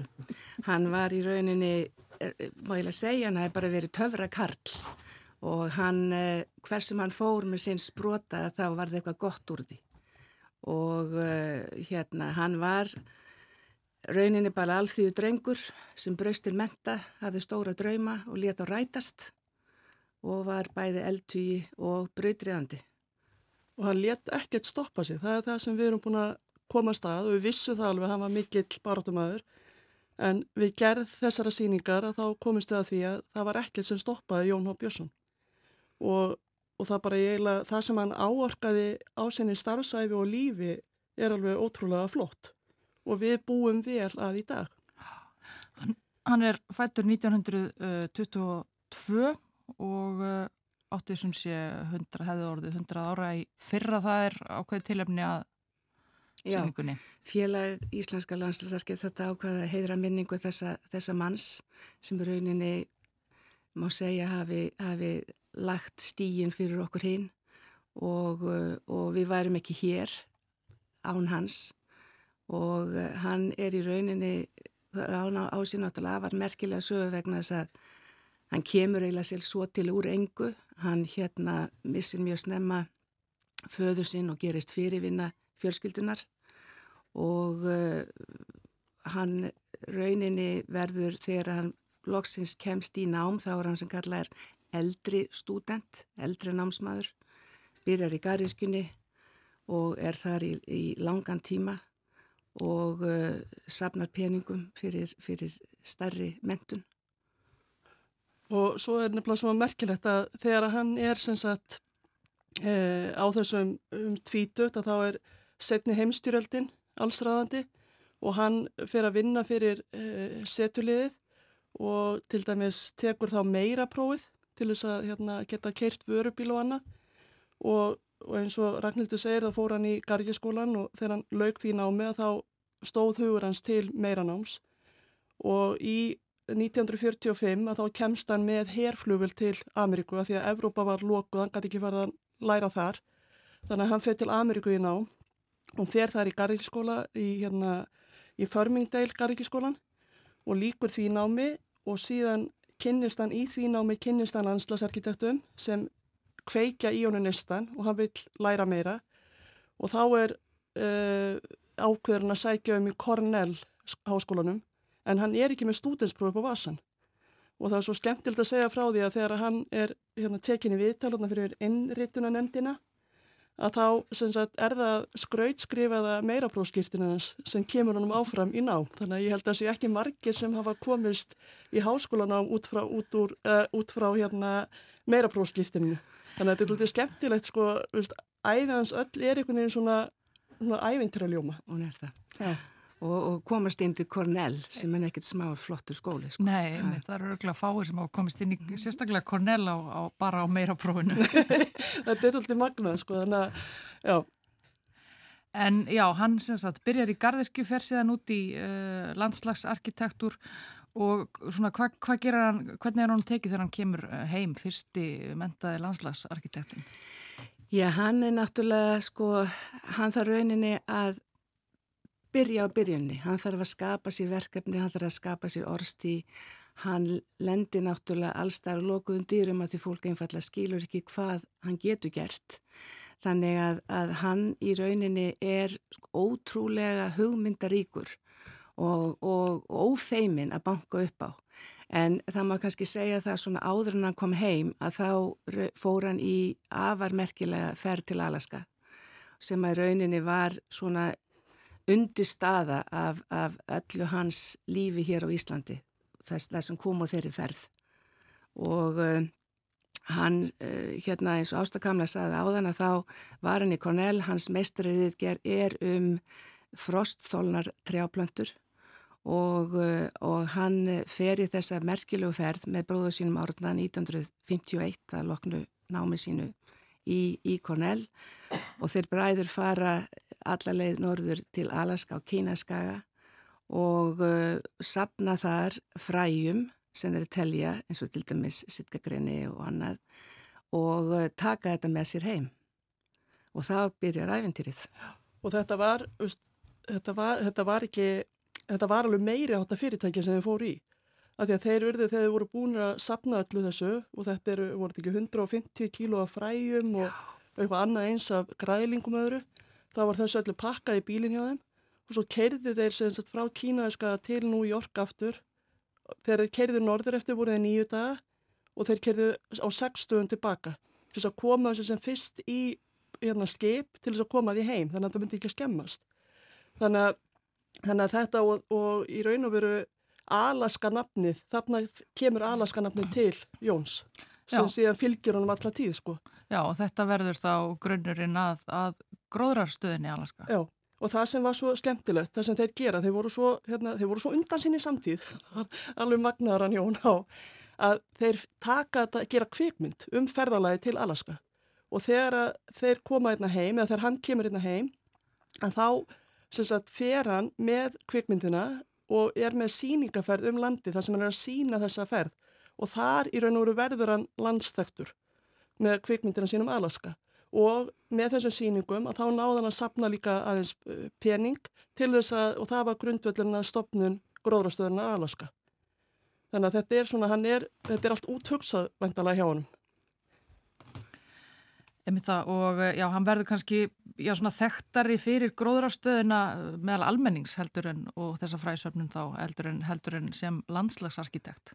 Já, í rauninni það sem merkildi við Jón sko, hann, hann hérna vildi rauninni ekki verið einum háður þegar hann kemur hérna heim að þá er hann bóðið í rauninni eh, að vinna hjá Reykjavík borg í skiplæginu þar en hann sagði alltaf að hann vildi ekki vera undir pólitískunum komin vegna þess að þá myndi bara verkefni stoppa, ekki til því gert, þannig að hann vildi miklu heldur vinna fyrir hinn almenna borgara og gera þessa litlu garda fyrir þá. Og hann raunni býður upp á þessa merkilu þjónustu aftur þetta brautinanda starf að hanna garda og byggja þá og rekta gróðurinn í gardana og, eh, og, eh, og fær þennan skika nýri í Vasmýrinni þar sem að gömlega aldamótagararnir voru þessi fyrstu garlund reykvikinga og eh, byrjar sitt rauninni storkoslegan feril sem, sem, sem hérna bæðisingararkjumadur sem landslasarkitekt en kallaði sér nú alltaf fyrir skrúkararkitekt og,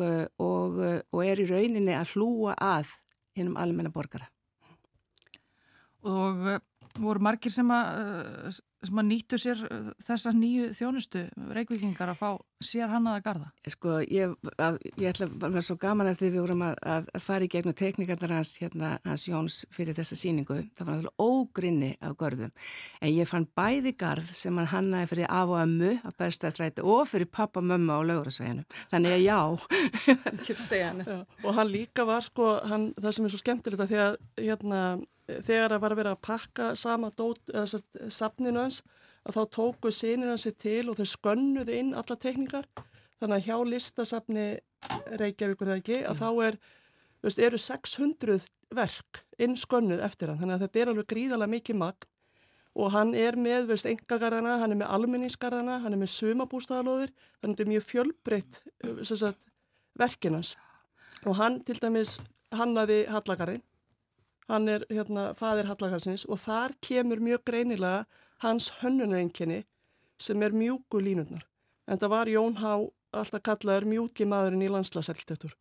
Þannig að það er svona þetta ameríska líka áhrifin og hann í raun og veru sem ég finnst líka alltaf merkilegt er að hann kemur frá Ameríku og kemur með þau áhrif en það eru af þessum kollegum okkar sem eru í félagi landslagsarkitekta sem eru cirka 100 manns að þá er ekkert mjög margir sem hafa mentað sig í Ameríku. Við förum öll flest til Norðurlandana, Þýskalands, Breitlands, þannig að það er alltaf áhugavert að sjá sko að fyrsti landslagsarkitektin kemur frá Ameríku og þessa mjúku fallu og línur eru hans höfundar enginni. Já, maður þekkir kannski ekki, eða svona flestir þekkja kannski ekki jafn vel til uh, landslagsarkitektúr sem, sem uh, já, listgreinar og fags eins og, og arkitektúrs. Uh, það eru svona skýrar stefnur og, og, og slíkt í landslagsarkitektúr eins, eins, eins og byggingum. Ég sko þetta nefnilega nákvæmlega og það sem var svo merkilegt við Jón líka sko að hann var, hann var óþreytandi að fræða og hann laði gríðarlega áherslu á þetta samspil á milli hús og gars og þessar rauninni, þessar ósýnulegu línur. Og uh, hann held til dæmis útvars erindi og hann held uh, sko hundruðu erinda viðsvegurum land. Hann, hann, hann skrifaði greinar í, hann var með reglu að pisla í morgunblæðu sínum tíma Uh, og hann var í rauninu og hann gerði þetta alla sína tíð og það er sko merkilegt að hann var sko þegar hann var í komin sko hátt og nýra þess aldur var hann enn að skrifa. Og, og það sem hann var líka gerðan sko svo dásamlega miklu undantekningu hann fagnaði hverjum einasta nýja meðlim í fagstjettinni það eru margi sem að finnst að já það er kannski óþarfið að vera svona margir svona og kannski hrættur um að taka verkefni fyrir öðrum en honum fannst þetta alltaf vera bónus og hún var líka sko umhugað um okkar yngri landslagsarkitektina að þegar ég kem til dæmis heim og námi 2004 að þá hefur hann samband við mig að því að þá var ég yngsti landslagsarkitektin þá var hann að pakka saman skrifstónu sinna á hérna, Alaska. Og hann segir þú ert yngsti landslagsarkitektin, ég er elsti ég vil að þú fái teikninga komóðuna mína. Þannig að hann var umhugað að koma og það er einhvern veginn, og það er líka í garðíkiskólanum að hann var mjög döglegur að mæta þar til dæmis á nemyndavarnir og var alltaf að leiðbein og alltaf komið góður á, þannig að þetta var bara mjög, hérna góðu maður á Jón Há Sannlega Mikill fagmaður. Já. Hvað eru margir landslagsarkitektar í dag? Ég ætla að sé ekki kringum svona hundra manns núna og, og þeir hafi rauninni komið sér fyrir, ef ekki segja það, viðsvegarum landið, bæði í dreifbíli og þéttbíli og inn á, inn á stopnunum bæði prívarstofum og í, í, í kerfinu. Þannig að þeir eru að verða mjög sínilegur heldur áðun var en það hefur orðið gríðarlega fjölgun síðustu áratugum. Þetta voru náttúrulega félagi sjálf að stopna 78 og þá voru stofnfélagi 5 og 10 árið setna voru það ekki nema 8 en svo eru núna orðin árið senst að 100. En hann fyrstur, uh, fyrsti mentaði landslagsarkitektin útskrifast 1953 en það voru nú hannaðir gardar á Íslandi fyrir 1953. Jú, jú, það voru náttúrulega, voru hérna náttúrulega garðirki menn og, og það má kannski segja það svo fræðist að það hefur náttúrulega verið einar helgásinni gróðrastöðinni við Laufasveg og, og, og það voru, og hann lagði sko sannlega sitt, sitt að mörgum á í, í garðirkinu og með sinni ræktun, en það var náttúrulega ákveðin fábreytnið, ég var mikið, ég sam, sérstaklega sambandi við gróður val, þannig að garðarnir sem flestur voru höfðu byrki og berjarunna og, og, og kannski reyni við að tre og það má náttúrulega sjá það sérstaklega með gengur um skólaverðuholti og þingholtin og í vestubæin að þetta eru, lóðarnir eru rammaðir inn með frá lóðamörkum og fylltar með reyni sam, sömu, sömu tegundunum en, en náttúrulega með, með tilkomi Jóns að þá var það hann svo mikið hjartansmál að, að ebla þess þetta tegundavall og, og, og, og þá var og að því vorum að ræðum um gróðrastöðuna Alaska hérna áðan að, að það var ekki bara verið að rækta þar eh, náttúrulega mjög mikið fjölbreytna af, af skrautgróðri. Hann flytur inn uh, jólatri en hann er svo fyrsti sem er kemur þeim í nælonnetin sem við þekkjum í dag og hann er, er, er svo fyrsti sem að, að hann, hann kemur þessu hugmyndum um, um skreitingar í miðbænum að því hann hafi, hann hafi mikið hérna, hann hafi ágjörð því að, að, að þessi garfíski menn hann sem hafi nóg að gera raunni yfir sumatíman hafði ekkert að gera við vetartamann er það að segja þeim upp mm. svo þá kom þessu hugmynd að, að blómaskreitum kom hann bara aftur því hann var svo, segja, hann var svo órættur hann bara bjóð til verk og hann haf, var svo hrífandi og sjarmirandi og, og mikill sölumadur að, að auðvitað veist, var þetta að mega bólu og allir í dag skreita núna götur og streiti en það var Jón sem var upphásmaðurinn.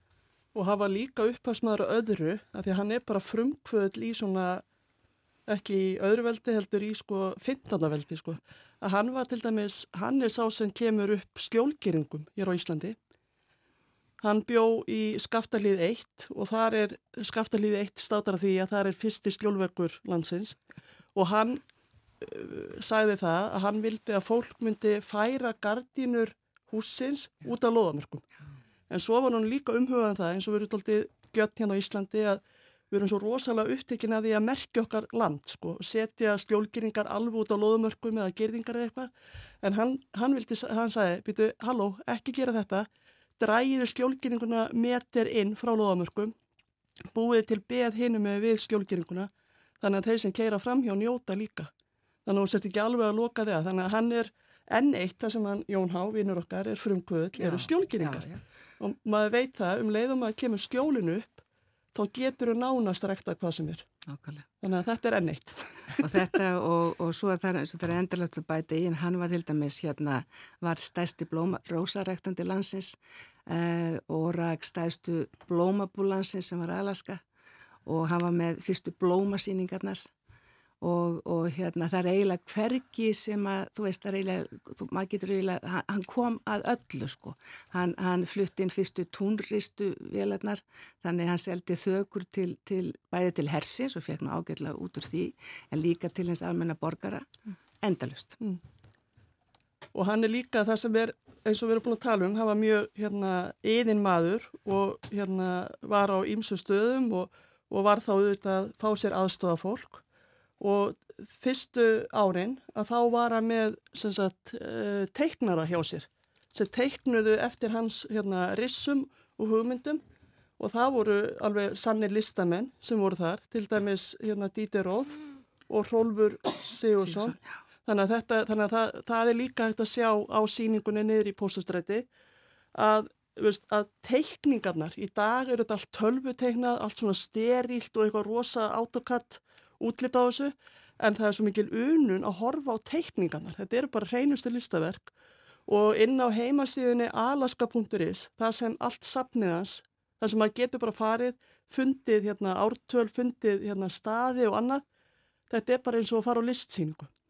Þannig að ég, við mælum með því að fólk bæði farið neyðrittir og farið inn á alaska.is og skoði bara því að þetta er alveg eins list eins og málverkin á listasöfnum.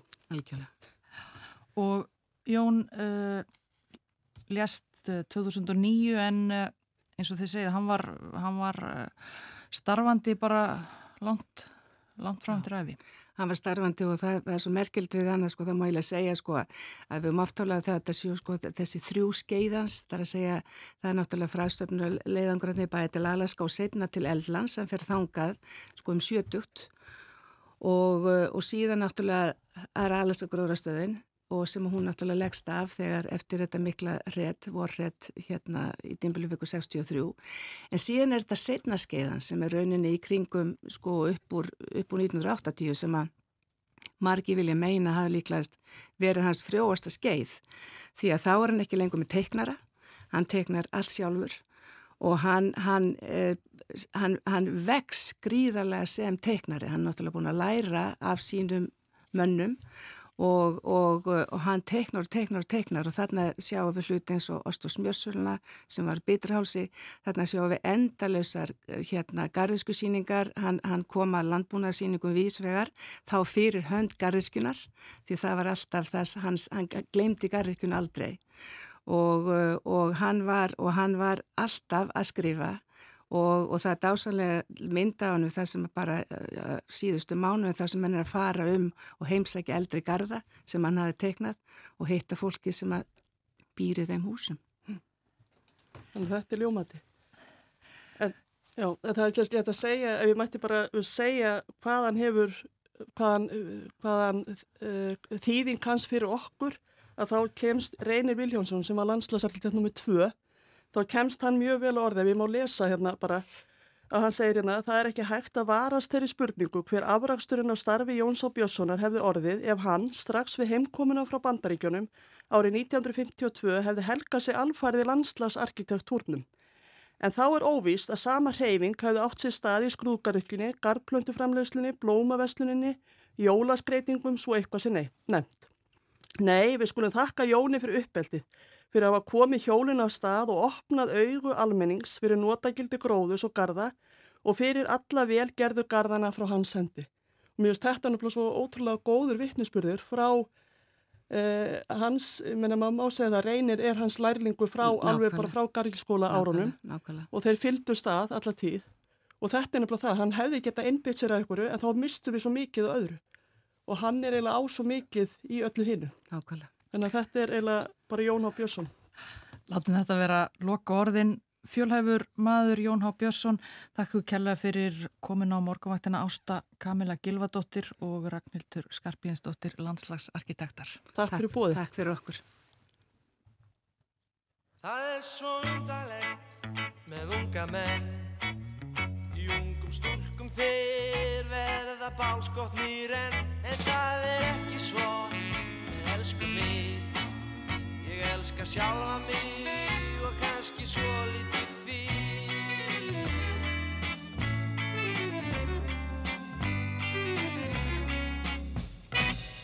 Víst er það undarlegt með unga menn. Í ungum stúlkum þeir verða bálskotnir en mér fannst að vera í gær. Svo fjarr í mér Svo finnst mér breytast allt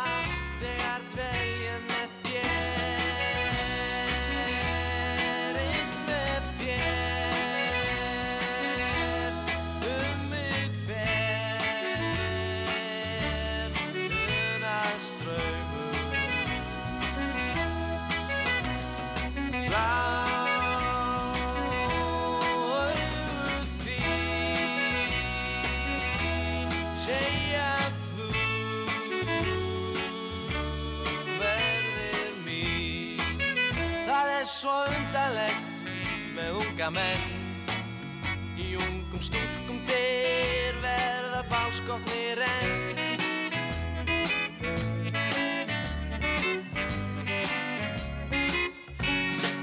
Já, það er undalegt með unga menn.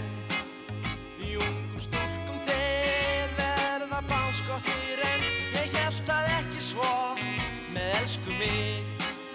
Ég elska sjálfa mig þó held ég enn Já, það er undalegt með unga menn Víst er það undalegt með unga menn Það er svo skrítið skrítið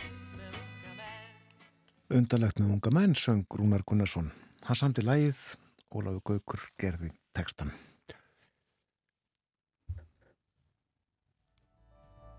En morgunvaktin er að ljúka. Klukkan alveg að verða nýju, vantar fjórar mínútur.